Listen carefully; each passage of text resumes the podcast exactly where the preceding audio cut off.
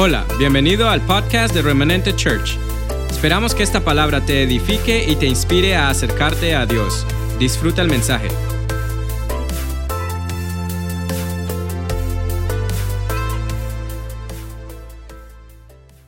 Muy buenos días. Bueno, aquí estamos de regreso, eh, contentos, bendecidos de estar en la casa del Señor, bendecidos de poder estar aquí sirviendo al Señor, pudiendo hacer esto que el Señor nos ha encomendado. Eh, bendecidos también con la compañía tuya desde tu casa o no sé de dónde estás, pero con esa compañía tuya a través de este medio. Eh, es cierto que en esta mañana el edificio habemos creo que seis, siete personas, es lo que estamos aquí. Pero sé que lo más importante es la presencia del Señor en nuestras vidas, que, aquí está también en medio nuestro, que se ha manifestado con una unción poderosa, pero también que tú desde tu casa nos estás acompañando y nos estás apoyando y estás compartiendo lo que Dios está haciendo en este lugar, pero también lo que Dios está haciendo en tu vida. Yo te animo a que en el chat coloques lo que Dios ha hecho en tu vida, comparte con nosotros la presencia del Señor en tu vida, lo que has experimentado en esta semana, lo que has experimentado en estos días, lo que has experimentado durante la alabanza. Compártelo. Te quiero decir algo. Cuando compartimos lo que Dios está haciendo en nuestras vidas, inmediatamente estamos expandiendo el reino. Inmediatamente estamos animando a otros a creer y a que se den cuenta de la verdad de Dios. En tu vida, en la vida de los tuyos y del reto que se levanta para aquellos que no lo creen. Entonces te animo a que lo hagas ahí en el chat. No tengo mi teléfono aquí conmigo, me olvidé de subirlo, pero bueno, yo sé que tú lo vas a hacer, mi esposa, yo sé que me va a colaborar con eso. Es importante que lo hagas, créeme, que compartas en esta mañana. Amén. Cuando oraba en esta mañana, ahorita, que me cierre la alabanza por, por milagros, oraba también cuando orábamos por, por los diezmos y las ofrendas. Hubo algo que el Señor me hablaba en esta madrugada. El Señor me, mostraba que iba a haber una provisión sobrenatural, iba a haber liberación financiera. El Señor me decía que Él nos quiere bendecir, pero también nos quiere bendecir con un cambio de actitud, de que tengamos una actitud correcta en nuestros trabajos. ¿Verdad? A veces creemos que todo va a caer del cielo, a veces creemos que Dios lo dijo y se va a presentar de un día para otro, pero también hay cositas que nosotros tenemos que trabajar y la actitud es una de ellas con relación a las finanzas y con relación a muchas cosas. Pero en nuestros trabajos necesitamos un cambio de actitud y en ese cambio de actitud el Señor se va a revelar con ideas frescas, con nuevos proyectos, con proyectos innovadores, con proyectos que van a cambiar el rumbo de la empresa para la que tú trabajas y tú serás ese instrumento. Esa palabra me la dio el Señor para ti, así que bueno, te animo a que la atesores en tu corazón y que trabajes en esa actitud con la que llegamos a trabajar a veces que no siempre es la mejor, pero siempre podemos trabajar en ella. Amén. Antes de entrar en la introducción, hay un consejo de parte de Dios para todos los que estamos aquí presentes, pero para ti que estás ahí también hay un consejo, es un consejo y esto es algo que Dios me lo dio. Y la palabra de esta mañana, lo que vamos a compartir en esta mañana, es, como, es como una palabra de consejo para nosotros. Es como Dios anticipándose, es como Dios queriendo darnos, impartir sobre nuestras vidas una palabra de sabiduría. Hay dos cosas que se parecen mucho pero que no son iguales, la sabiduría y la inteligencia. La inteligencia sirve para salir del problema en el que estamos en el momento. La inteligencia sirve para poder sortear mejor las circunstancias que un momento dado nos pueden alcanzar, nos pueden atacar o nos pueden hacer frente. Pero la sabiduría, la sabiduría sirve para estar anticipados. La sabiduría sirve para evitar que nosotros tropecemos, para evitar que nosotros caigamos y para prepararnos ante las circunstancias que se vienen. Entonces yo creo que en esta mañana el Señor tiene una palabra poderosa, una palabra que va a impartir una unción de sabiduría sobre nuestras vidas, porque el Señor quiere que estemos anticipados, porque el Señor quiere que estemos preparados. Amén. Entonces por eso el Señor me habló de Proverbios 4:10. Dice, esto es lo primero que el Señor tiene para nosotros en esta mañana. Hijo mío, escúchame y haz lo que te digo. Y tendrás una buena y larga vida. Eso fue lo primero que Dios nos dio para nosotros. Proverbios 4:10, Hijo mío, escúchame y haz lo que te digo. Nos dice, Hijo mío, nos da identidad, nos pide que le escuchemos y que le obedezcamos. ¿Por qué? Porque si lo hacemos tendremos buena y larga vida. Proverbios 4:10, cortico, sencillo, pero en Proverbios 4:22 lo expande un poco más.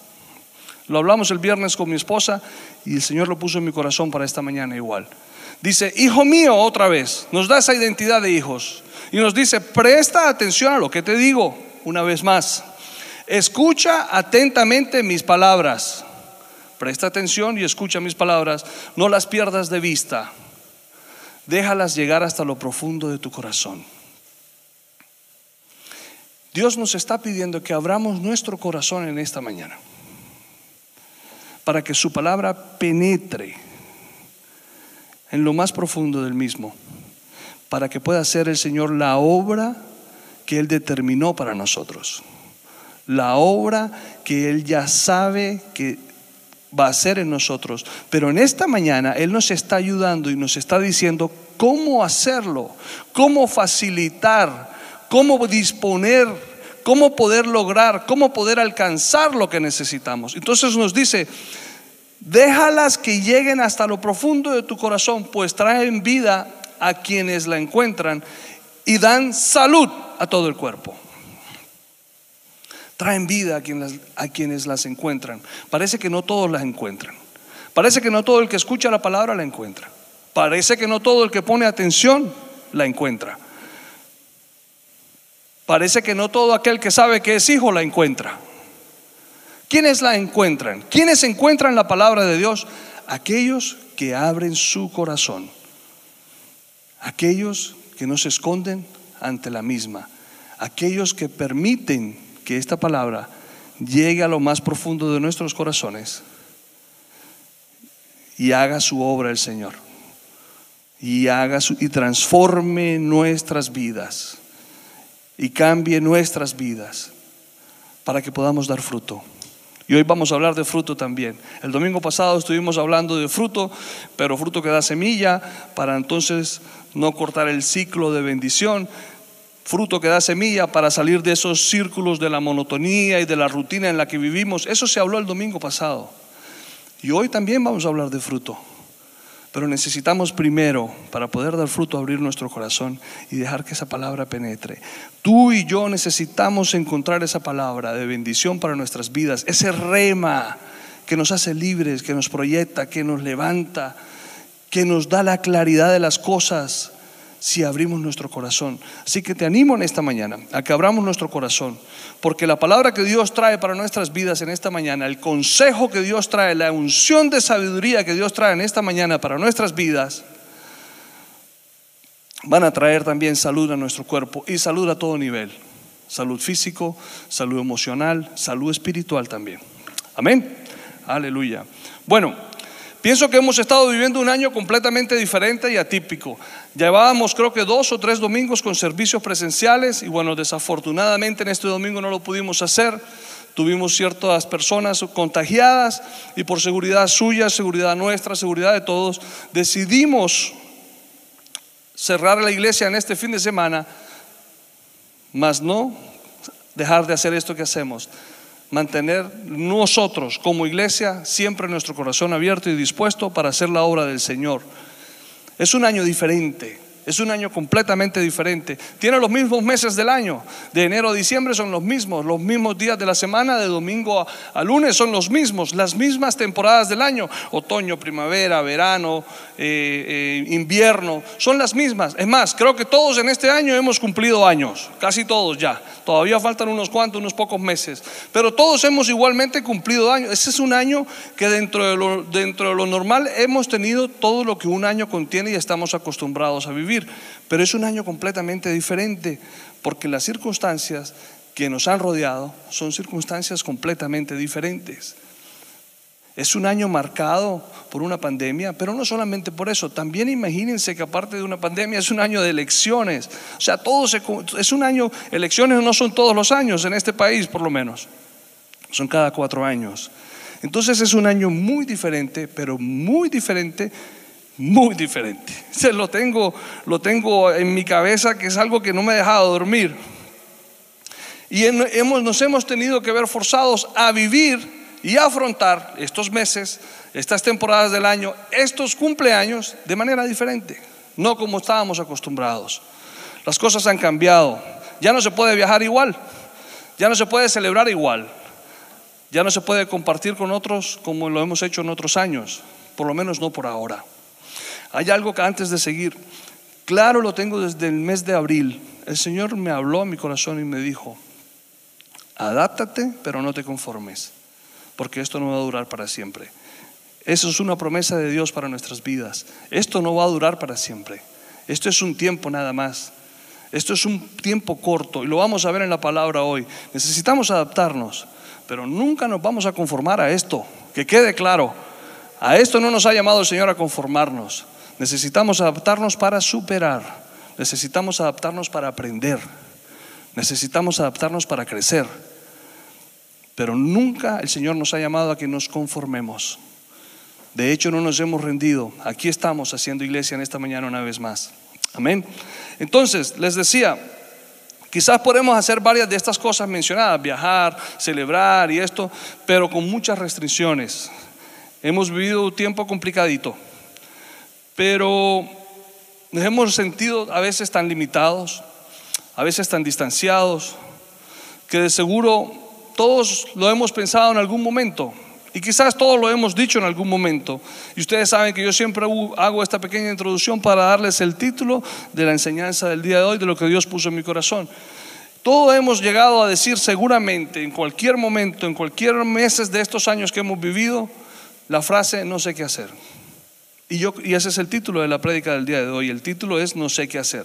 ¿Por qué le ponemos título? Para referenciarlo y encontrarlo en nuestras notas. Para que cuando querramos recordar algo que nos gustó, que nos impactó, que nos bendijo, que nos ministró, sea fácil encontrarlo a través de un título en las redes sociales o en tus notas. No sé qué hacer es el título del día de hoy. Con el título en mano, quiero que me acompañen por favor al libro de Filipenses. El libro de Filipenses. Vamos a leer en el capítulo 1 y vamos a empezar en el verso 20. Permítame un segundo. Capítulo 1, verso 20. Este libro lo escribió Pablo desde la cárcel a los filipenses. Y él, y él empieza diciendo esto, lo vamos a leer del 20 al 22. Dice, tengo la plena seguridad y la esperanza de que jamás seré avergonzado Sino que seguiré actuando con valor por Cristo, como lo he hecho en el pasado. Y confío en que mi vida dará honor a Cristo. Qué bendición. Sea que yo viva o muera. Pues para mí, vivir significa vivir para Cristo. Y morir es aún mejor. Pero si vivo, puedo realizar más labor fructífera. Ojo, frutos. Puedo realizar más labor fructífera para Cristo. Así que realmente no sé qué hacer. Eso lo dijo Pablo. Se encontraba en un momento en su vida donde él estaba, no privado de la libertad, mas no privado de, de no poder ir a un servicio presencial, privado de no poder viajar a gusto como él estaba acostumbrado, privado de tener que ponerse una mascarilla para poder entrar a comprar un remedio, privado de de no poder quizás estrechar o abrazar a una persona porque no sabe si es si está contagiado por el virus y quiere evitar contagiar a la otra persona, pero en su corazón arde el deseo de abrazarlo, pero por, por, por evitar el contagio, por evitar correr ese riesgo, está privado de poder expresar ese sentimiento, privado de poder expresar el amor que él tiene. Está en la cárcel, está privado de la libertad, no puede salir privado de poder venir hoy domingo a la iglesia. ¿Cómo es posible si estábamos yendo? Sí, sí, duele. Eh, son decisiones muy difíciles. Decisiones en donde en un momento dado te abro mi corazón y te puedo decir, Señor, tengo esto y tengo esto, no sé qué hacer. Pablo también lo dijo. Pablo dijo, no sé qué hacer. Y él lo decía cuando él decía, pues para mí vivir significa vivir para Cristo y morir es aún mejor. Vivir o morir para él, las dos eran importantes. Quizás para él morir era mejor. Pero, pero tenía, había un pero y decía, pero si vivo puedo realizar más labor fructífera. O sea, si vivo puedo dar más frutos. Si vivo puedo hacer la obra del Señor. Si vivo puedo avanzar en lo que Dios me ha llamado a hacer. Si me mantengo vivo te puedo ayudar a ti a crecer en Dios. Si yo me mantengo vivo puedo dar el fruto que Dios me ha llamado a dar. Entonces me conviene estar vivo. Pero en su corazón en su corazón. Él decía, así que realmente no sé qué hacer, no sé qué es mejor. Estaba en una encrucijada, estaba en la cárcel, tenía claro muchas cosas, pero esa no sabía qué hacer. ¿Sabes? Como seres humanos siempre queremos saber lo que tenemos que hacer. Como seres humanos siempre estamos en la necesidad muchas veces de conocer el futuro, de qué, es lo que nos depara en el futuro, de qué es lo que viene para nuestras vidas, de qué será lo que sucederá para mi matrimonio, qué será lo que cómo será mi matrimonio, cómo serán mis hijos para aquellos que no tienen hijos, cómo serán mis nietos, cómo será mi edad de una mi edad adulta mayor, mis 70. Siempre hay esa inquietud, siempre hay esa incertidumbre. Y siempre queremos saber qué es lo que tenemos que hacer. Y eso no está mal. Pero hoy Dios nos va a dar el mejor consejo de todos. Y va a derramar sobre nosotros una unción para estar anticipados ante lo que tenemos que hacer.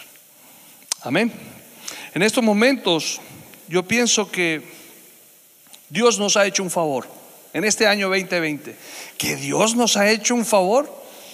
Yo, que Dios nos ha hecho un favor. Si tú estás, si tú, si te parece que como que, como si que Dios me hizo un favor este año y te parece como que esto no tiene sentido lo que yo estoy diciendo, ahí en el chat coloca signos de interrogación así bastantes, tan, tan, tan, tan, tan, tan, tan, tan, y déjame saber que tú no entendiste esa, esa frase que yo dije, que Dios nos ha hecho un favor. Aquí está mi esposa, no sé si ella me pueda decir, no tengo el teléfono conmigo, pero yo creo que Dios nos hizo un favor en este año 2020. No, hermano, usted está loco, hermano Juan Carlos, ¿cómo así?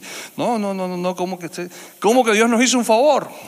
Pues yo creo que sí, yo creo que sí, yo creo que Dios en cierta forma nos está llevando de una manera acelerada, de una manera intensa, a que reorganicemos en nuestra vida nuestras prioridades. ¿Cómo así? ¿Por qué usted dice eso? Porque muchas de las cosas que estaban alrededor nuestro, en las cuales nosotros ocupábamos mucho de nuestro tiempo, en las cuales nosotros participábamos de ella, se apagaron. Pum, pum, pum, pum. Se apagaron. Se desconectaron. Y nos, nos dimos cuenta que teniendo esto apagado alrededor nuestro, nos tocó reorganizar nuestras prioridades. ¿Verdad? Porque es cierto, hoy volvemos a extrañar nuestros servicios presenciales. También es cierto que necesitamos entender algo importante y es que la iglesia somos usted y yo. Extrañamos el servicio aquí presencial, pero la iglesia del Señor somos nosotros. Usted y yo somos la iglesia del Señor. El templo de Dios somos nosotros. El lugar donde habita el Espíritu Santo de Dios somos nosotros. La iglesia donde el Señor derrama su gloria es tu vida y es mi vida. ¿Cómo extraño los amenes, mi amor? Amén. Colócame amén ahí en el chat, déjame saber que estás ahí conmigo. No, mami, alcánzame el teléfono, por favor. Ponme un dedito, porque nosotros somos esa iglesia. Conectemos aquí en el servicio juntos. De pronto tú estás en tu casa, yo estoy aquí y no nos podemos ver, pero a través de este medio, usemos este medio que Dios nos ha regalado y conectemos en esta mañana, ¿verdad? Y veamos lo que Dios está haciendo aquí en casa y lo que Dios está haciendo en tu casa también. Compártelo conmigo. Amén. Eh, somos la iglesia. Usted y yo somos la iglesia. Nosotros necesitamos entender que nosotros somos el templo de Cristo. Somos el templo donde habita el Espíritu Santo. Nosotros somos los recipientes de su gloria. La historia cuenta que la iglesia en el principio se realizaba en las casas. No habían templos como estos. Se reunían las células, los grupos de corrección, los grupos de oración. Póngale el nombre que usted quiera. Pero se reunían en sus casas. Y ahí el Señor se manifestaba y la presencia de Dios se derramaba y la palabra de Dios era enviada a otras ciudades. Léalo en la palabra, en la Biblia está. Hay historias de personas que están orando en un lugar y se efectúa la maravillosa gracia de Dios en otro lugar. el templo del Señor. Sí, no estamos aquí, pero no dejamos de ser iglesia. Somos la iglesia del Señor. Usted y yo somos la iglesia del Señor. Eso cuenta la historia. Que en un principio se llevaban en las casas los servicios, cuando todo esto comenzó. Dios está donde usted y yo estamos. Él no está limitado por un lugar. Él no está limitado por un habitar. Él no está limitado por un ambiente que nosotros hagamos o provoquemos. Eso no lo limita. Ahora que Él viene, que hace parte de, que, participa, que su unción de sanidad cae, que su unción corporal es especial, yo no lo puedo negar. Claro que sí. La necesitamos, la necesitamos. Pero eso no lo limita. Dios no lo limita nada. No hay límites para Él. No hay límites. A Él no lo limita que su presencia sea manifestada si usted y yo nos disponemos en cualquier lugar del mundo, en cualquier lugar de la tierra, donde usted y yo seamos dirigidos y nos dejemos dirigir por el Espíritu Santo de Dios, ahí encontraremos ese lugar para darle adoración, para darle gloria. Puede ser en la cárcel, como estaba Pablo. Puede ser en Alaska, puede ser en la China, donde no te dejan adorar. Pero te aseguro que te encierres en el baño, levanta las manos, levanta tus manos y reconoces al Rey de Reyes y al Señor de Señores. Y le empiezas a alabar, te aseguro que su presencia será manifiesta en ese lugar. En la misma China, en donde te tienen prohibido alabarle, bendecirle. En donde para poder hacerlo arriesgas tu vida tu vida, no solamente la libertad, sino tu vida, porque puedes hasta perder la vida por hacerlo.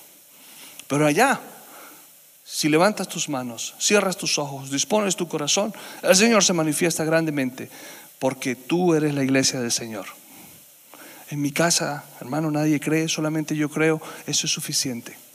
Ora por tu familia, que la iglesia del Señor se manifiesta a través de tu vida, que su presencia, tú eres la iglesia del Señor, tú eres el recipiente donde la gloria de Dios ha sido derramada y de allí van a fluir ríos de agua viva que nunca se secarán y tocarán a los tuyos y verás milagros y verás sanidad y verás bendición.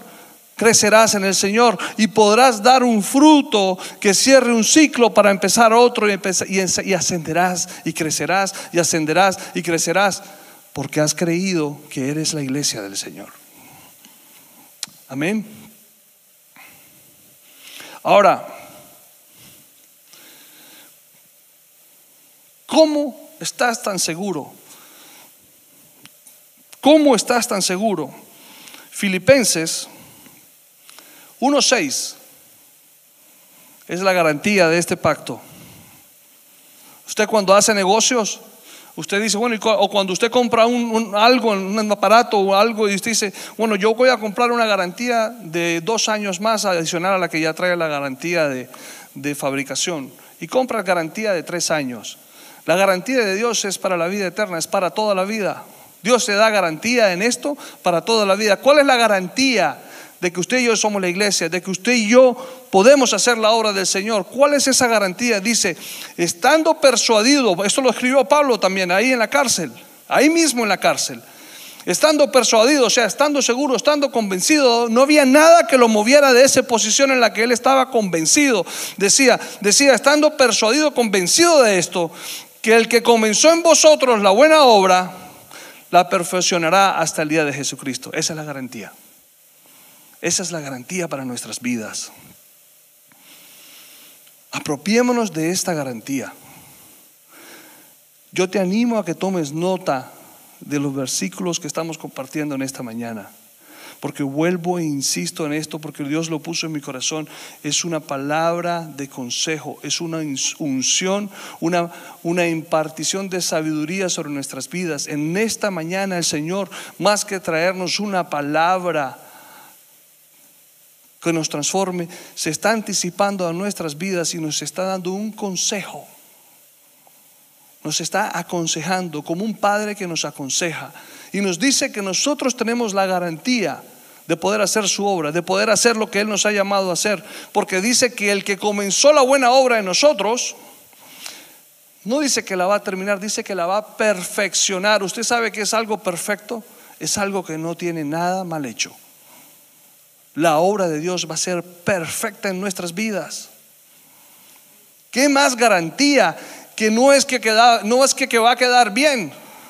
No es que solo, no, ahí más o menos lo vamos a reparar y le ponemos un parche, como decimos muchos. No, no, no, no, no.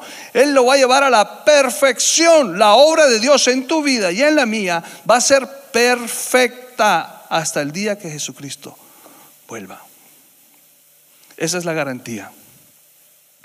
Necesitamos conocer, necesitamos aprender pero al mismo tiempo necesitamos comprender. Filipenses 1.9, Pablo dice, y esto pido en oración, que vuestro amor abunde aún más y más en conocimiento y en toda comprensión. Sí necesitamos aprender la palabra, sí necesitamos escuchar la palabra, Sí necesitamos que la palabra se haga vida en nosotros, pero necesitamos abrir nuestro corazón para que la palabra penetre, para que la palabra llegue, para que la palabra haga la obra de Dios hasta que el día hasta que sea perfecta esa obra de Dios en nuestras vidas para que entonces nosotros podamos vivir, caminar conforme a la palabra, para que entonces nosotros podamos demostrar la comprensión de la palabra misma a través de lo que nosotros hacemos. ¿Cómo me demuestras tú a mí que comprendes algo cuando tú lo pones en práctica, cuando lo ponemos por obra?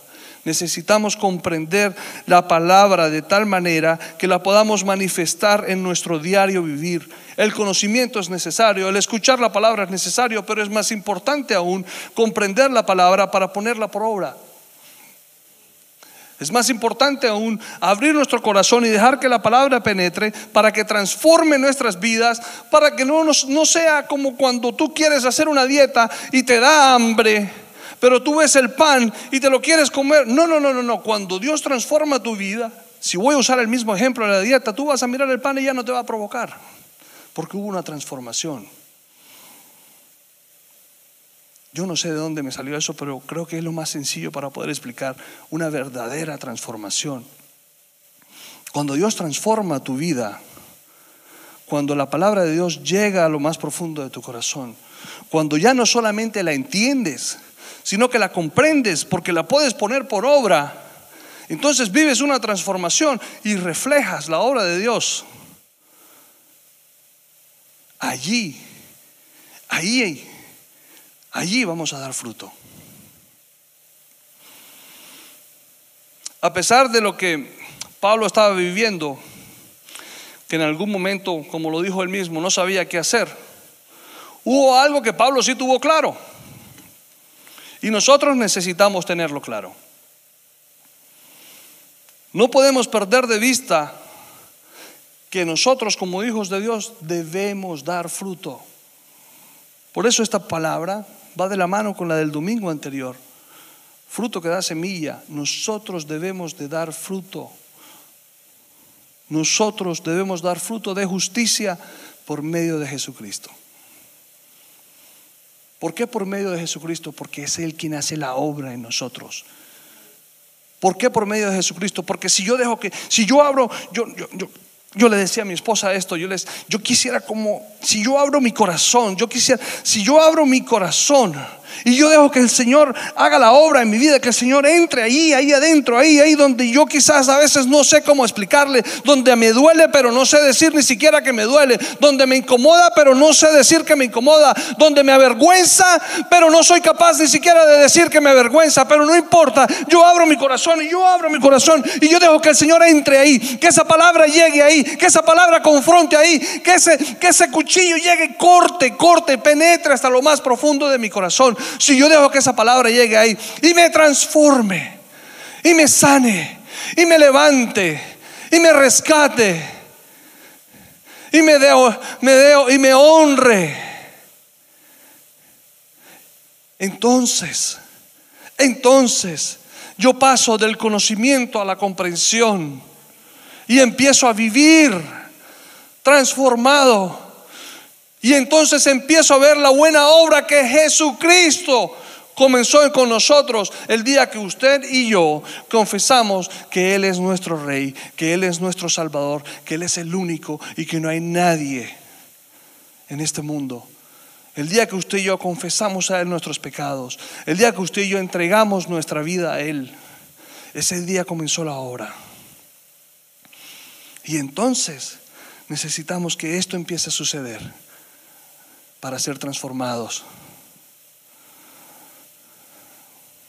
Lo que realmente importa, iglesia, no es lo que está sucediendo alrededor nuestro. Incomoda, molesta, fastidia, da rabia, no me gusta. A mí tampoco. Pero hay algo que importa más que eso y de lo cual no podemos perder de vista y es el dar frutos de justicia. Entonces, lo que verdaderamente va a importar es lo que pasa dentro de mí, no lo que pasa alrededor de mí. Si quieres, quédate con esa. Lo que verdaderamente importa para el Señor no es lo que te está molestando a tu alrededor, sino lo que está sucediendo en tu interior. Eso es lo que verdaderamente importa. ¿Hasta dónde estás dejando que el alfarero haga como a Él le place. ¿Hasta dónde estamos dejando que el Señor haga en nuestro corazón como verdaderamente nos conviene? Eso es lo que verdaderamente importa, lo que está sucediendo dentro de nuestro ser, aquí adentro, ahí, en el corazón, ahí, donde a nosotros mismos muchas veces nos engaña pero al Señor no, porque dice que la palabra dice que Él lo conoce mejor. ¿Cómo no lo va a conocer si Él lo hizo? ¿Cómo lo vamos a engañar si Él te hizo? Ahí, ahí es donde verdaderamente importa. ¿Por qué dice usted, hermano Juan Carlos, que el Señor nos hizo un favor? Yo, eso de las prioridades, ok, pero no estoy muy convencido. Te lo voy a decir de otra manera. Dios quiere que usted y yo demos frutos de justicia. Cuando usted va a un árbol y usted se quiere comer un fruto, usted no arranca el fruto que está verde, usted arranca el fruto que está maduro. No puedo usar el mango porque el mango se lo comen verde, pero la mayoría de los casos el fruto se come maduro, se debe comer maduro, es, lo, es, es la lógica de los frutos.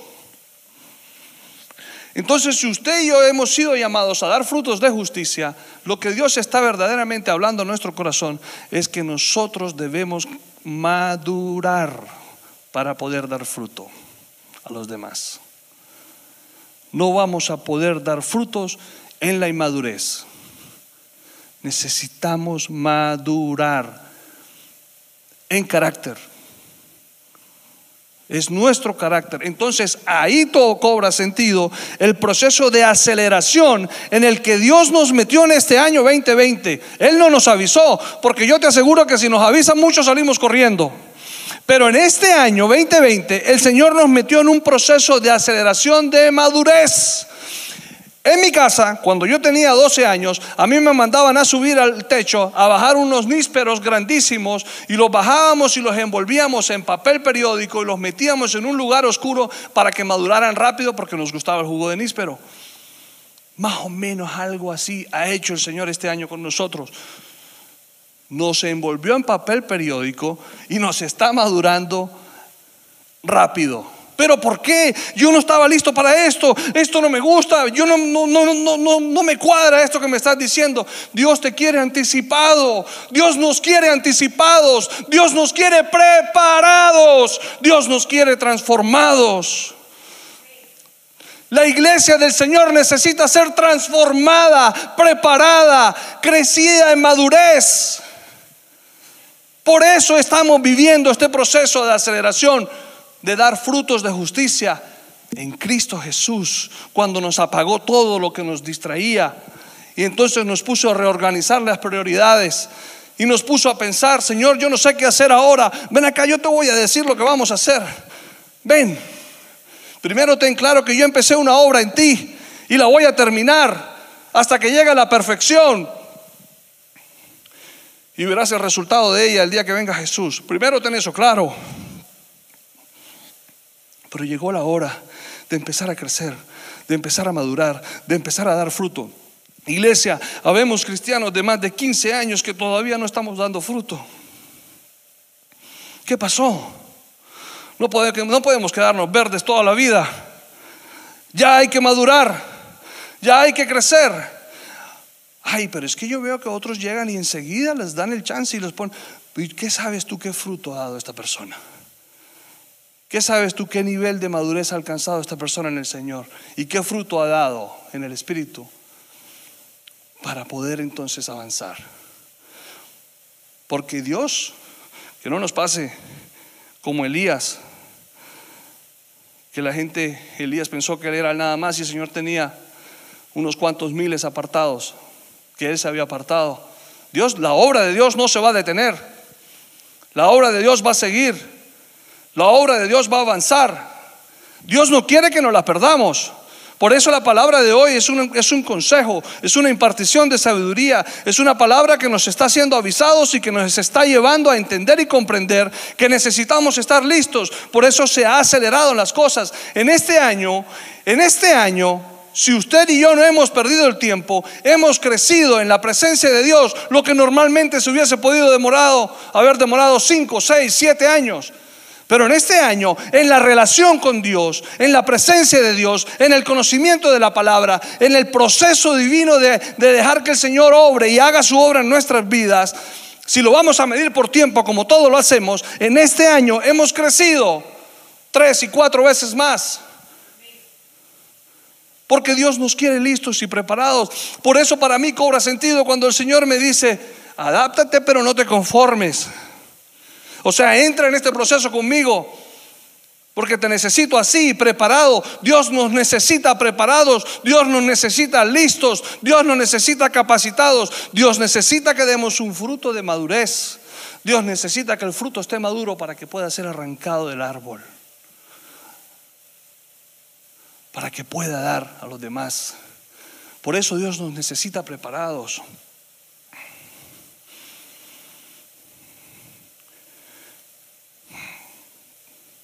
Quiero que entiendan, Filipenses 1, 10 y 11 dice, quiero que entiendan, seguimos en Filipenses con Pablo, quiero que entiendan lo que realmente importa, a fin de que lleven una vida pura e intachable hasta el día que Cristo vuelva.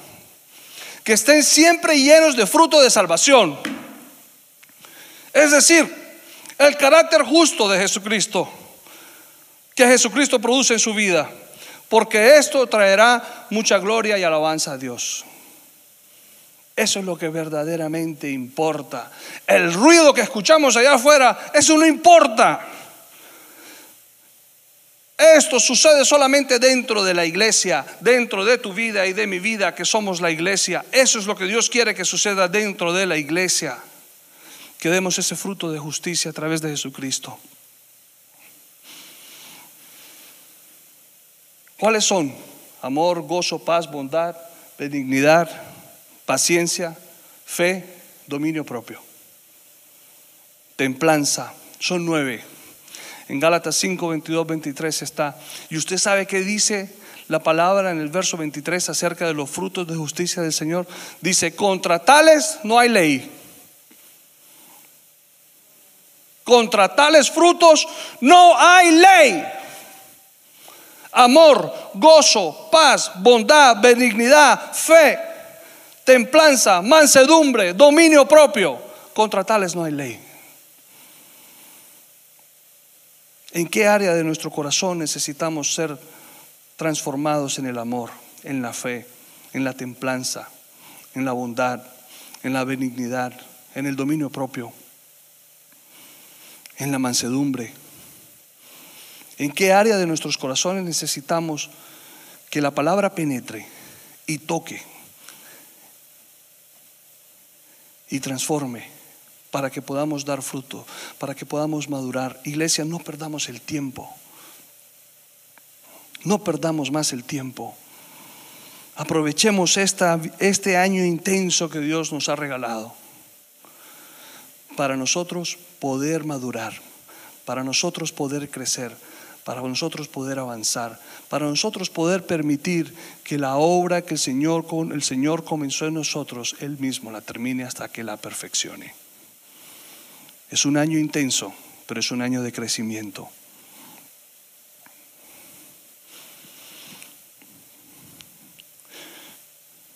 Yo creo que podemos ir cerrando.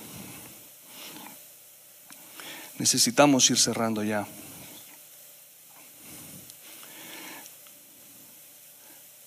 Este es el consejo que el Señor tiene para nosotros en esta mañana. Este es el consejo la unción de sabiduría, la impartición de sabiduría que Dios tiene para nosotros en esta mañana. No podemos estar divididos. Ahora cuando, es cuando más necesitamos estar unidos. Necesitamos dejar de mirar lo que nos está estorbando en nuestro exterior y empezar a mirar adentro y analizar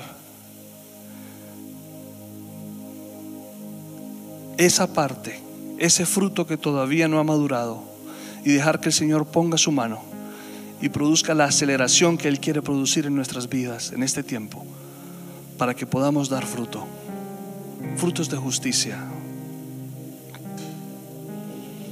frutos de salvación.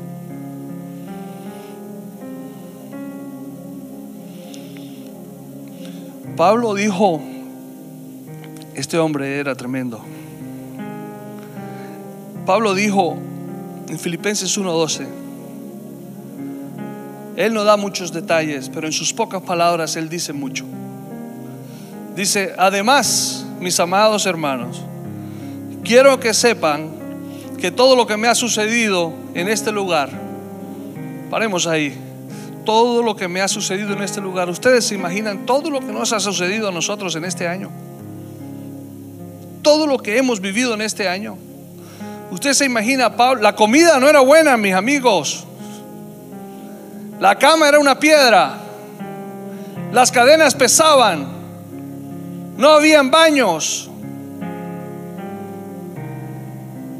Tenías que hacer tus necesidades delante de los demás. Pero él no dijo, él no entró en detalles. Pero entremos nosotros en detalles. Nos cerraron la iglesia. Nos volvieron a cerrar la iglesia este domingo.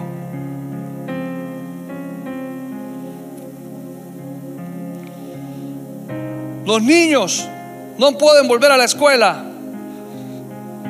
Les toca sentarse ocho y nueve horas delante de un computador y no han podido volver a la escuela.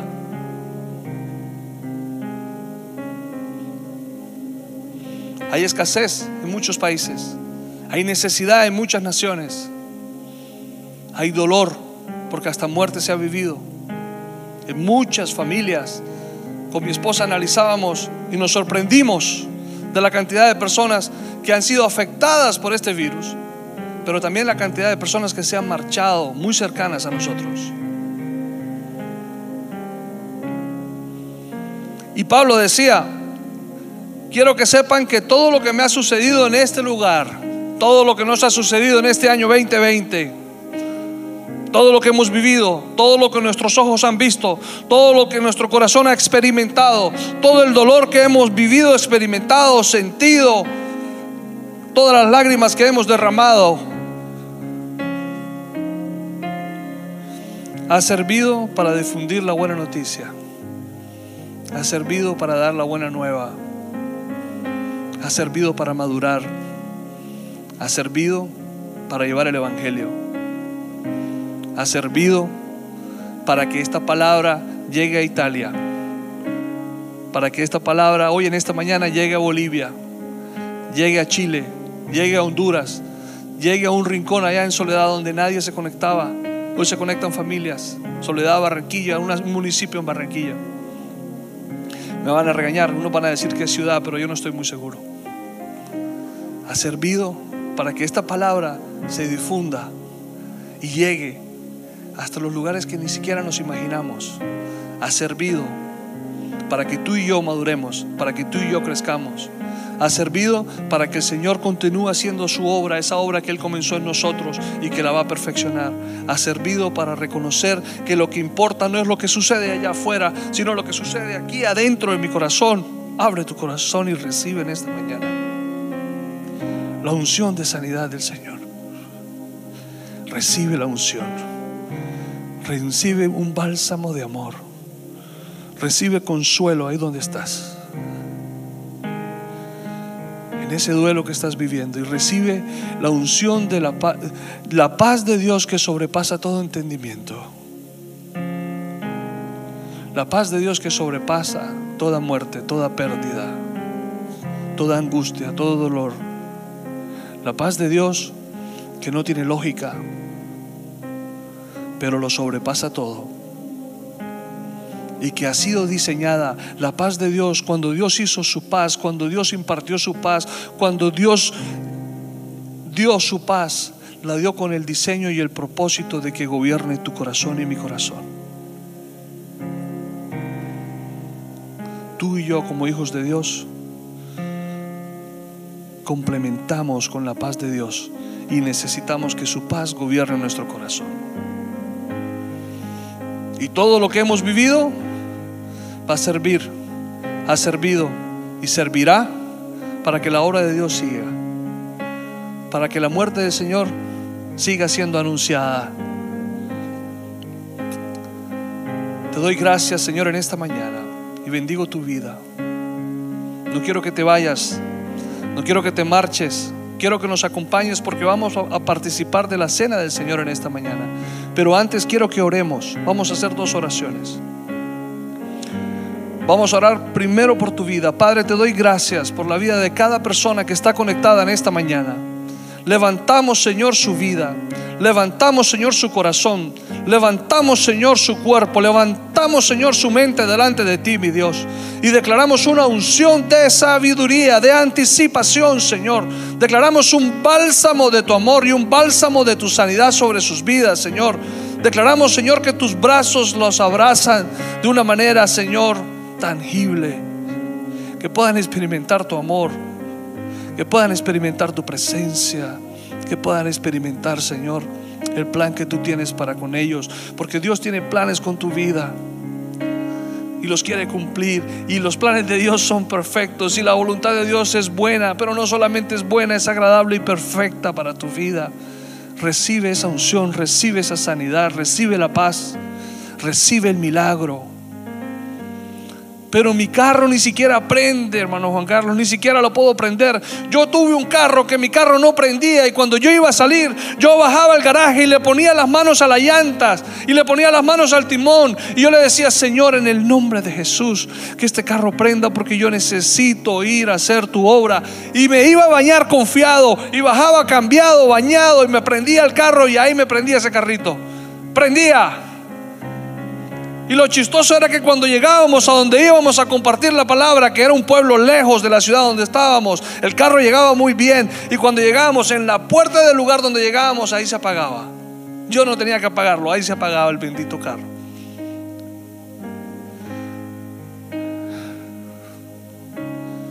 Pero ese fruto de la fe maduró en ese tiempo. Ese fruto de la fe vivió un proceso de aceleración que me permite poder hablarte de eso en esta mañana. Mi fe daba para ponerle las manos a ese carro y creerle al Señor que el carro me iba a llevar. No solo a mí, sino a mi esposa y a veces a mis hijos. Así le creía yo a Dios. Ese fruto de la fe. Así es el fruto del amor. Así es el fruto de la templanza, del dominio propio, de la benignidad. Así tenemos que dejar que el Señor obre en nuestras vidas y que esos frutos sean madurados para que los pueda el Señor arrancar y para que los podamos dar a los demás.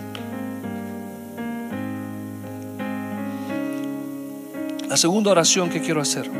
No quiero que se me pase un servicio más sin antes hacer esta oración. Si tú no has recibido al Señor, a este Señor del cual estamos hablando, del cual tiene planes sobre tu vida, a este Señor que ha hecho maravillas, que lo sostiene todo en sus manos, que lo hizo todo por ti y por mí, que nos sacó del reino de las tinieblas al reino de su luz admirable, a este Señor, si tú lo quieres conocer, si tú quieres experimentarlo a Él, si tú quieres saber qué se siente vivir de la mano de Dios, yo te animo a que hagas esta oración conmigo. Es sencilla y empezamos a poner en práctica el fruto de la fe y a darle la madurez que esto necesita para vivir de la mano de Dios.